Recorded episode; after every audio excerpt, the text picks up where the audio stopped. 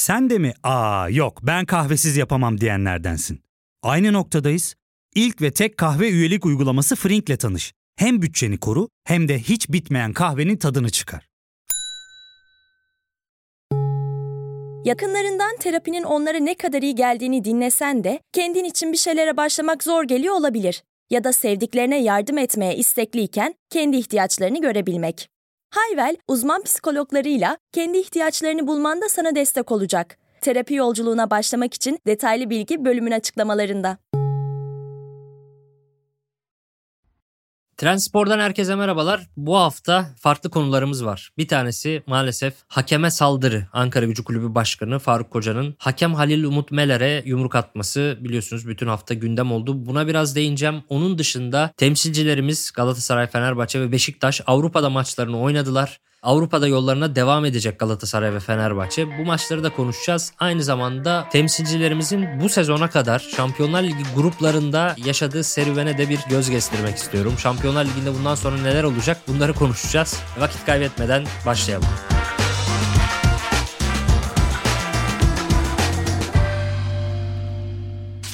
Öncelikle herkesi sarsan yumruk olayı Ankara Gücü Kulüp Başkanı Faruk Koca Ankara Gücü Rize Spor maçı 1-1 berabere bittikten sonra maçın son düdüğünün ardından sahaya giriyor. Yanındaki yönetici arkadaşlarıyla birlikte hakemin üzerine yürüyorlar ve direkt olarak hakem Halil Umut Meler'in yüzüne yumruk atıyorlar. Halil Umut Meler bir şoku uğruyor, yere düşüyor ve yerdeyken de yönetici arkadaşları Halil Umut Meler'i hakemi tekmelemeye devam ediyor. Bu olay infial yarattı toplumda ve herkes bu konuyu konuştu. Beklediğimden daha büyük bir öfkede oluşturdu. Ve fakat bu yoğun konuşma durumu bence yanlış okumalara da beraberinde getirdi. Genel olarak insanlar bu konuyu neresinden tutacağını bilememiş olabilir. Ve bir süredir devam eden işte hakemle alay etme, bütün suçları hakeme yıkma, hakemlerin çok kötü olduğunu her defasında tekrar etme gibi işler yapan Türk spor kamuoyu veya işte hemen hemen herkes ya biz hakemlere sürekli yüklendik yüklendik dedi ve belki biraz vicdan yaptı. Hatta o yüzden mesela Fenerbahçeli ve Galatasaraylı arkadaşlar böyle sürekli kedi köpek gibi birbirlerine girme vasıtasıyla her konuyu oradan ele aldıkları için de bunu da şöyle değerlendirdiler. Mesela Fenerbahçeliler dedi ki Erden Timur geçen sene böyle çok sert açıklamalar yapmıştı. Hakemlere hedef almıştı ve bu ligi bitirtmeyiz demişti biliyorsunuz.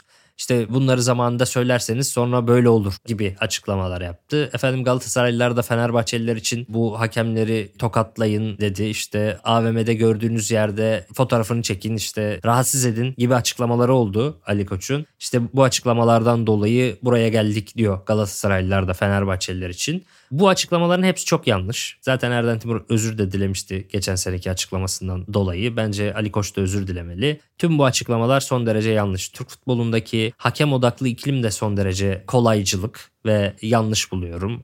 Ben bir futbol yorumcusu olarak hakem konuşmaktan tamamen kaçan biriyim. Buradaki Transpor'da da biliyorsunuz hakemin gündem olduğu haftalarda dahi hakem konuşmamaya özen gösteriyorum. Çünkü bence işlerini en rahat yapamayan meslek Türkiye'de ve herkes hakem hocası gibi takılıyor. O yüzden ben ekstradan hakem konuşmak istemiyorum. Genel olarak kariyerim boyunca da öyle davranıyorum. Hakemlere karşı gösterilen tavırdan da hiç memnun değilim ve haksız olduğunu da düşünüyorum her zaman. Fakat bu olayın hakeme karşı oluşturulan iklim yüzünden gerçekleştiğini de hiç düşünmüyorum. Bu aksine bizzat federasyon başkanı tarafından da bir kaçış yöntemi olarak kullanıldı bu durum ve dedi ki işte siz böyle böyle konuşursanız televizyonlarda böyle böyle konuşulursa öyle öyle şeyler söylenirse tribünler böyle böyle derse hakemlere en sonunda çıkar biri yumruk atar diyor. Fakat o çıkar biri yumruk atar denen kişi herhangi biri değil ya. Yani bu yanlış okuma oradan geliyor. Yani bu yumruğu Ankara gücü tribünlerindeki 15 yaşında bir ergen bir çocuk çıkıp da sahaya girerek atmadı. Zaten öyle bir eylem gerçekleştirmek istese 15 yaşındaki bir çocuk arkasından 10 tane de polis koşturuyor olurdu. Belki yine de genç olduğu için hızlı olduğu için birine yetişebilir veya birine vurabilirdi biliyorsunuz geçen sene oldu Joseph olayında Beşiktaş Ankara gücü daha doğrusu Ankara gücü Beşiktaş maçında oldu. Fakat bu öyle bir olay değil. Yani öyle bir olay da olabilirdi ve bu iklim hakikaten öyle bir olaya da götürebilir. Tribünden kendini bilmez birileri çıkabilir veya Ali Koç'un dediği gibi AVM'de birileri bir hakemi yakalayabilir ve hiç istemediğimiz şeyler olabilir. Ve bunların da olması gerçekten bu yüzden futbol ikliminin yanlışlığı yüzünden olabilir. Fakat bu olay bahsedilenden, bu okumadan çok daha bağımsız bir olay. Bu olay bir kulüp başkanı tarafından gayet statüsü, aklı yerinde olan bir kişinin şiddet uygulaması olayı. Bu olayı ne spor kamuoyuna ne yorumcuların hakemleri eleştirmesine ne tribünlerin hakemlere küfür etmesine falan bağlayamazsınız. Bu olay şu. Kendisini çok güçlü gören ve her şeyi yapabileceğini düşünen birinin gidip de hakemi yumruklaması ve buna izin veren güç de siyasetten geliyor. Yani bu konuyu Ozan zaten gelecek hafta Trend Topik'te işleyecekmiş. Bu da isabet oldu bence. Çünkü bu konu spordan çok siyasetin alanına giriyor. Biliyorsunuz Türkiye'de siyasiler çok uzun süre spora siyaseti karıştırmayın diye tepki koyarken birçok kulübün başkanı direkt siyasetten atandı. Ve en nihayetinde bu kulüp başkanları daha önce görülmemiş şekilde bir cesaret gösterip, bir kendini bilmezlik gösterip bu tip olayları şimdi de karışıyorlar. Şöyle ben geçen sene Ümraniye Spor Ankara gücü maçını yerinde izledim. Ankara gücü yöneticileri sürekli hakeme küfür ediyorlardı. Son derece öfke doluydular ve ligin son haftalarıydı Ümraniye Spor'da küme düşmüştü. Hatırlıyorum en sonunda bir Ümraniye Spor yöneticisi ya beyler biz zaten küme düştük lütfen biraz sakin olun falan dedi. Fakat onlar da ya bizim sizinle bir işimiz yok zaten kardeşim falan deyip tekrar böyle coşkun bir halde tavırlar sergilemeye devam ettiler. Bu seneki maç Kasımpaşa Ankara gücü maçı yine İstanbul'da oynanan ve yine benim basın tribünde olduğum bir maçta. Yine Ankara gücü yöneticilerinin böyle küfürler ve agresif tavırlar sergilediğini tanık oldum ve maçın son dakikasında da Kasımpaşa bir gol atınca Kasımpaşalı yöneticilerle Ankara gücülü yöneticiler birbirine girdi tekme, tokat vesaire biliyorsunuz. Şimdi bu olaylar yaşanıyorken bir önceki sene Ankara Gücü Beşiktaş maçında tribünler girmiş sahaya. Hadi bu tribünlerle ilgili bir olay.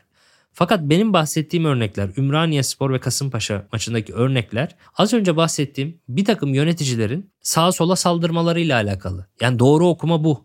Yani geçmişte de siyasetin gücünü arkasında hisseden kulüp başkanları çokça oldu. Fakat sahaya girip hakem dövenini, hakem yumruklayanını da ilk defa görüyorum. O yüzden bu konuyu Ozan'ın incelemesi çok daha doğru oldu. Gelecek hafta onun da yorumlarını ayrıca merak ediyorum. Şimdi futbolun tatsız tarafını bir kenara bırakalım ve Avrupa'da bizi temsil eden 3 büyük takımımıza yönelelim. Öncelikle Galatasaray Şampiyonlar Ligi'nden elendi. Deplasmanda son maçını Kopenhag'a karşı oynadı son hafta ve 1-0 mağlup oldu. Bu mağlubiyetle ilgili kısa bir değerlendirme yapacak olursam benim beklediğim bir sonuçtu. Yani en azından galibiyet beklemiyordum. Bence maçın hakkı da beraberlikti açıkçası. Galatasaray biraz yine fazla gol kaçırdı. Ama dediğim gibi Kopenhag'ın da kaçırdığı goller var ve bence maçın hakkı beraberlikti ve beraberlikte Kopenhag'ın istediği bir sonuç oluyordu. Yine Galatasaray Avrupa Ligi'ne gidebiliyordu. Açıkçası burada galibiyet alınamamasının bence birinci nedeni hem Ziyeh'in hem Zaha'nın tam form tuttukları dönemde yani yaklaşık 2-3 hafta önce o Hatay maçlarıyla falan bir form tutmuşlardı. Son olarak Ziyeh Pendik maçında da golünü atmıştı. Goller atıyorlardı. Bir ritim yakalıyorlardı geldiklerinden sonra ilk kez seviyelerini yükseltmişlerdi ve bu maç öncesinde ikisi birden tekrar sakatlandı. İkisi de Galatasaray'a geldikten sonra ikişer kez sakatlanmış oldu ve maç ritimleri sıkıntılıydı. İşte zaten Zaha ağrısıyla oynamış, Ziyeh de yarım saat oynayabilmiş vesaire. Icardi uzun süredir sakatken iğneyle oynadı ve işte belli bir fitlik düzeyinden uzaklaştı. O da çok formda bir dönemden geçmiyordu. Üstüne bir de savunmanın en önemli isimlerinden Davinson Sanchez de yine sakatlıktan dönüyordu en zorlu deplasmanlardan bir tanesi olan Kopenhag'dan galibiyetle çıkmak zaten bence biraz pozitif bir beklentiydi. Kopenhag da çok iyi bir takım. Avrupa'nın en çok koşan takımı, en iyi kapalı savunma yapabilen takımlarından bir tanesi ve beraberliğin onlara yarayacak olması yani maçın başından sonuna kapalı savunmalarını devam ettirebilecek olmaları zaten Galatasaray'ı aslında maça 1-0 yenik başlatıyordu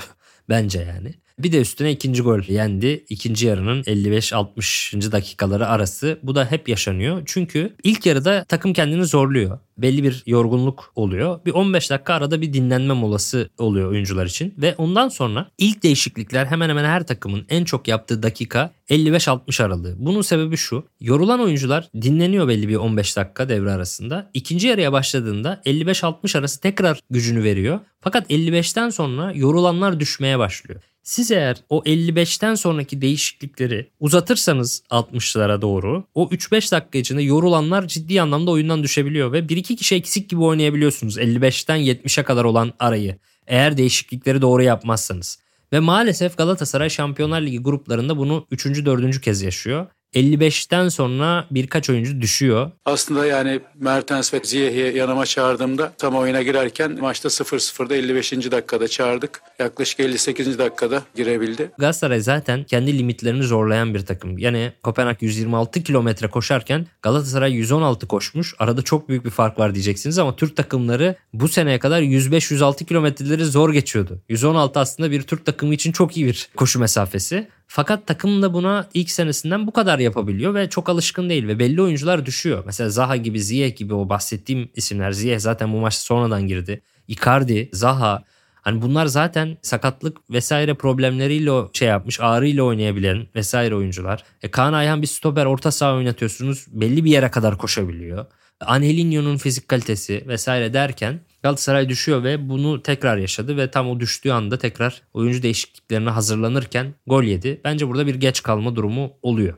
Ama dediğim gibi bence dezavantajlıydı. Çok fazla orta kesildiği için eleştirenler var. Ben orta kesilmeyi bir zorunluluk olarak okuyorum. Bir tercih değildi. Yani Okan Buruk ve Galatasaray da orta keselim bu takım en iyi ortayla aşılır diye düşünmüyordu zaten. Kopenhag takımı basketboldaki üçlük çizgisi gibi bir hayali üçlük çizgisi çiziyor futbol sahasının üzerine ve böyle merkezi kapatan ve korner direğine doğru yavaş yavaş kanatlara sizi yönlendiren bir çizgi çiziyorlar. Merkezi çok iyi kapatıyorlar. Sizi kanatlara yönlendiriyorlar ve kanattan orta keserseniz de etkili uzun boylu savunmacıları var. Kalecileri de yan toplarda iyi vesaire. Oraları da iyi savunuyorlar. Şimdi Galatasaray kanatlara topu yönlendirmek zorunda kaldı. Neden? Niye merkezi delemedi Galatasaray? Adana Demir maçında mesela bunu çok iyi yaptı. Mertens ve Kerem Aktürkoğlu'yla Icardi'nin arkasında topsuz buluşup orada verkaçlarla pozisyonlar üretebildi Galatasaray. Bu maçta neden olmadı derseniz bence Zaha Icardi ikilisi topsuz oyunda yeterince hareketli değil. Kerem hareketli ama Kerem de topsuz oyunda hareketli olduğunda forvet arkasında Ziyeh ve Mertens kadar iyi bir hücum üreticisi, organizatörü değil. Ve tek başına yetmiyor. Tete de bireysel oynayan bir kenar oyuncusu. Yani Mertens bu tip kilit açılması gereken maçlarda Galatasaray için hala olmazsa olmaz. Zaha'nın, Ziyeh'in, Icardi'nin topsuz oyunda çok hareketli olmaması, markajdan kolay çıkamamaları merkezden pas alışverişinin yapılamamasına ve topun sürekli bekler ve kanatlarla çizgiye açılmasına sebep oldu. Bence durum bu. Belki Mertens'in biraz daha erken girmesi gerekiyordu diye düşünüyorum. Yine 55'te kenara geldi ama belki 45'te bu değişiklik yapılabilirdi diye düşünüyorum ama bugünden maçı sonucundan bunları konuşması tabii ki kolay. Burada bölüme küçük bir ara veriyoruz. Döndüğümüzde devam edeceğiz. Ya fark ettin mi? Biz en çok kahveye para harcıyoruz. Yok abi, bundan sonra günde bir. Aa, sen Frink kullanmıyor musun? Nasıl yani? Yani kahvenden kısmına gerek yok. Frink'e üye olursan aylık sadece 1200 TL'ye istediğin çeşit kahveyi istediğin kadar içebilirsin. Günlük 40 TL'ye sınırsız kahve mi yani? Çok iyiymiş. Aynen. Hatta şu anda 200 TL'lik bir indirim kodu da var. E hadi hemen indirip üye ol da bu fırsatı kaçırma. Terapiye başlamak, içinden çıkamadığın döngüleri kırmak, bazı yanlış bulduğun kararlarını değiştirmek ve kendinle beraber daha huzurlu bir yaşam inşa etmek için atabileceğin en değerli adımlardan biri. Hayvel ile yoğun yaşam tempona uyum sağlayarak online terapi seanslarını takvimine göre ayarlayabilirsin. Bini aşkın uzmandan sana en uygun terapisti seçebilir, PodB10 koduyla indirimden yararlanabilirsin. Detaylı bilgi açıklamalardaki bağlantıda. Fenerbahçe 4-0'lık bir tırnava galibiyeti aldı ve grubunu lider tamamlayarak bir üst tura yükselmiş oldu. Son 16'ya yükselmiş oldu. Eğer grubu ikinci bitirseydi Fenerbahçe son 32 turuna yükselecekti ve Şubat ayında iki Avrupa maçı daha oynayacaktı. Yani grup liderliği çok önemli. Bir tur fazladan geçiyorsunuz. Son derece önemli. Ve bu sayede bunu başararak Mart ayına kadar bir Avrupa maçı oynamayacak Fenerbahçe. Bu maç öncesinde aslında avantajlı değildi. Norşelant'ın Ludogores'i yenmesi halinde Fenerbahçe kaç farklı kazanırsa kazansın ikinci oluyordu. Veya Ludogorets'in Norşelant'ı farklı yenmesi halinde de bu durum gerçekleşebiliyordu. Beraberlik ve Ludogorets'in fark atmadığı bir galibiyet senaryosunda da Fenerbahçe'nin farklı bir galibiyet alması gerekiyordu. Fenerbahçe üzerine düşen görevi yaptı. 4-0'lık bir galibiyet aldı. Zaten ideal kadrosuyla sahaya çıktı. Ceko'nun yine kalitesini konuşturduğu, Ferdi'nin yine Beşiktaş derbisinde olduğu gibi şov yaptığı, çok iyi oynadığı bir maç. Tadic yine kalitesini konuşturdu. İrfan yine etkiliydi. Freddy, Şimanski'si, İsmail merkez ortası yine güçlüydü. Ve Fenerbahçe adına yakışır, büyüklüğüne, gücüne yakışır bir galibiyet almış oldu. Diğer maçta istediğimiz gibi geçti. Ludogorets 1-0 kazandı Nordsjælland karşısında ve Fenerbahçe lider olarak bu gruptan çıkmış oldu. İşin ilginci Ludogorets'i 7-1 yenen kendi sahasında ve Fenerbahçe'yi de maalesef 6-1 yenen Nordsjælland grubu artı 10 avarajla 3. sırada bitirdi. Bu da Avrupa kupalarında ilk defa olan bir şey. Bu kadar yüksek avaraj elde etmiş olmasına rağmen grupta ilk iki sırayı yer alamayan ilk takım oldu Nordsjælland.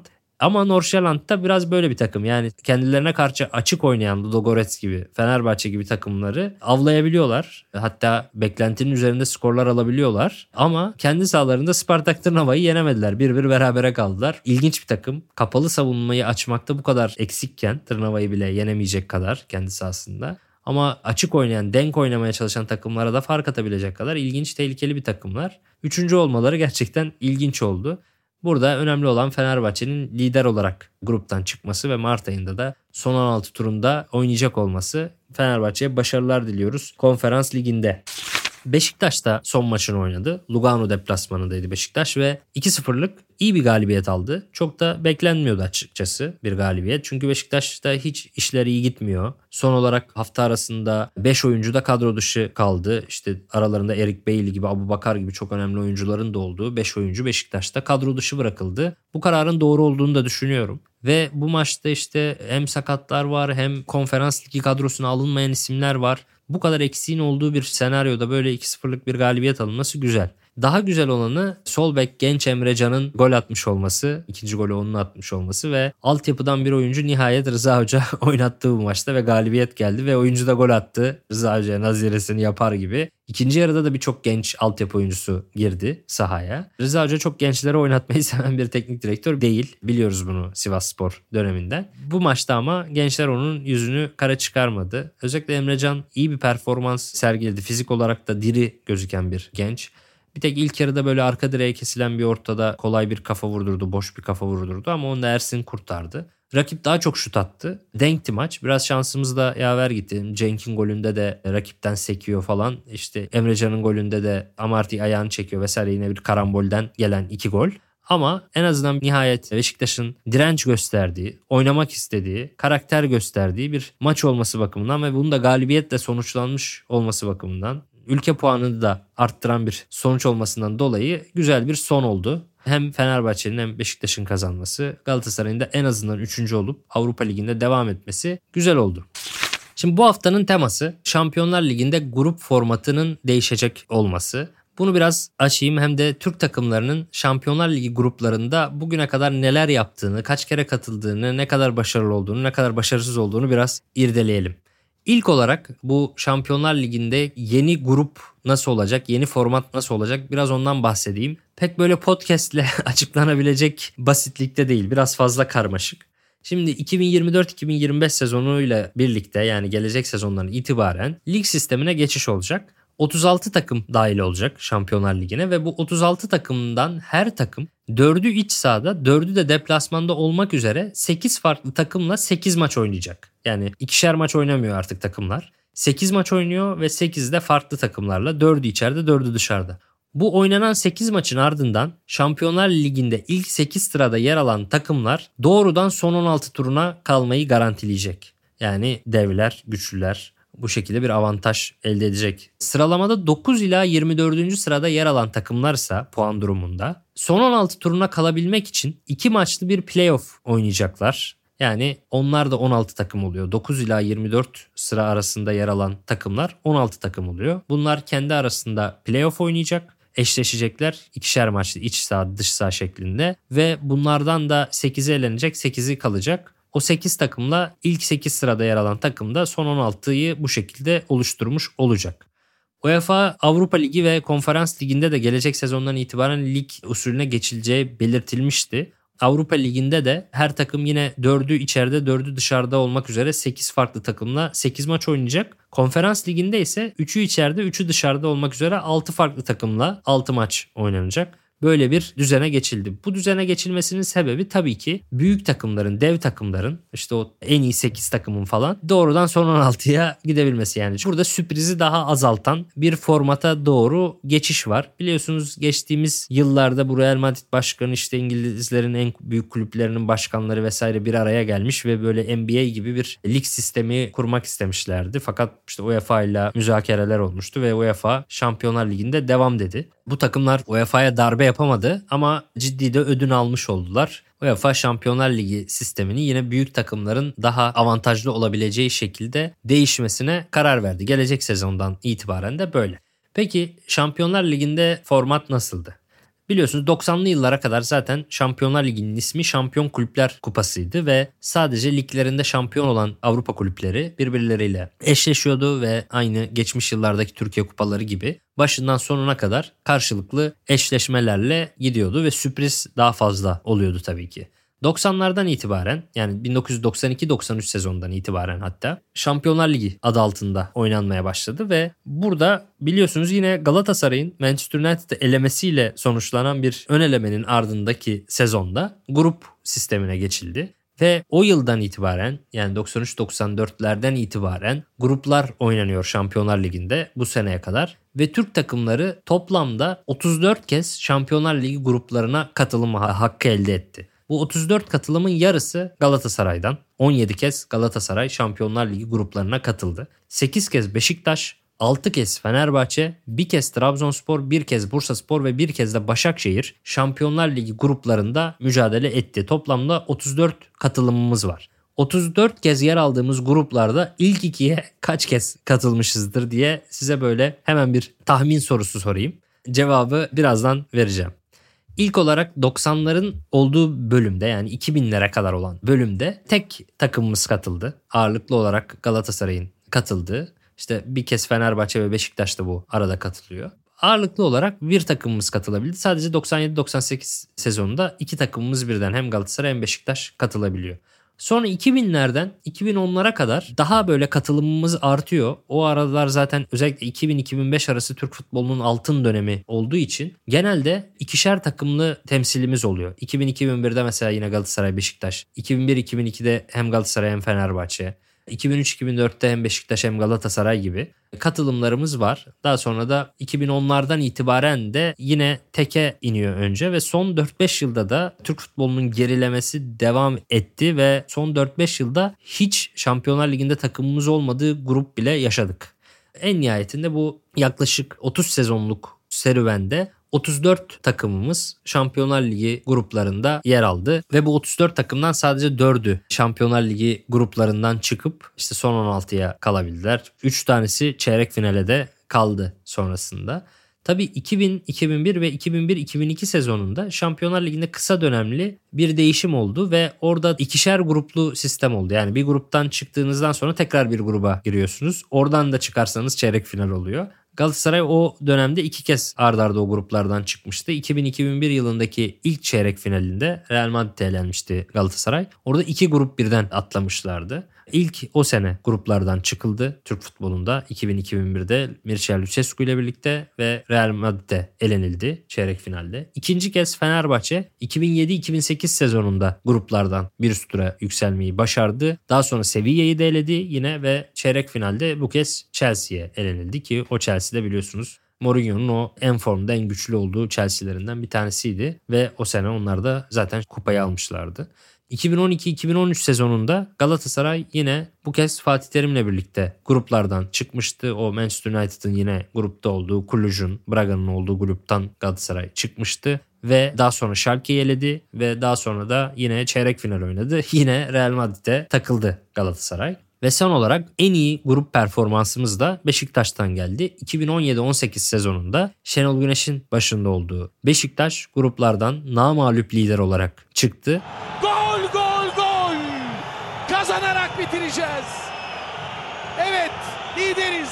Fakat bir sonraki tur güçlü bir takım geldi. Son 16 turunda Bayern Münih'e Beşiktaş elenmiş oldu. Yani 4 kez gruplardan bir üst tura çıkabildik. 34'te 4 bence biraz düşük bir başarı oranı. 4 farklı teknik direktörle bu başarıldı. Lucescu, Zico, Fatih Terim ve Şenol Güneş'le başarıldı. Bunları da bu şekilde iletmiş olalım. Umarım gelecek sezonlarda da güzel Şampiyonlar Ligi maceralarımız olur ve yeni formatta da eskisi kadar eğlenebiliriz, keyif alabiliriz. Bizim takımlarımızda biraz daha dev takımların altında kalan bizim gibi takımlar da daha başarılı serüvenler yaşayabilir. Ama maalesef bu 34'te 4 bile bazı takımları rahatsız etmiş olacak ki yine sürprizi daha da azaltan bir formata doğru geçiş var. Umarım biz de daha iyi yönetiliriz ve daha başarılı Şampiyonlar Ligi sezonlarımız olur diyorum. Dinlediğiniz için teşekkür ediyorum. Gelecek hafta yine haftanın spor gündemleriyle birlikte karşınızda olacağız. Görüşmek üzere, hoşçakalın.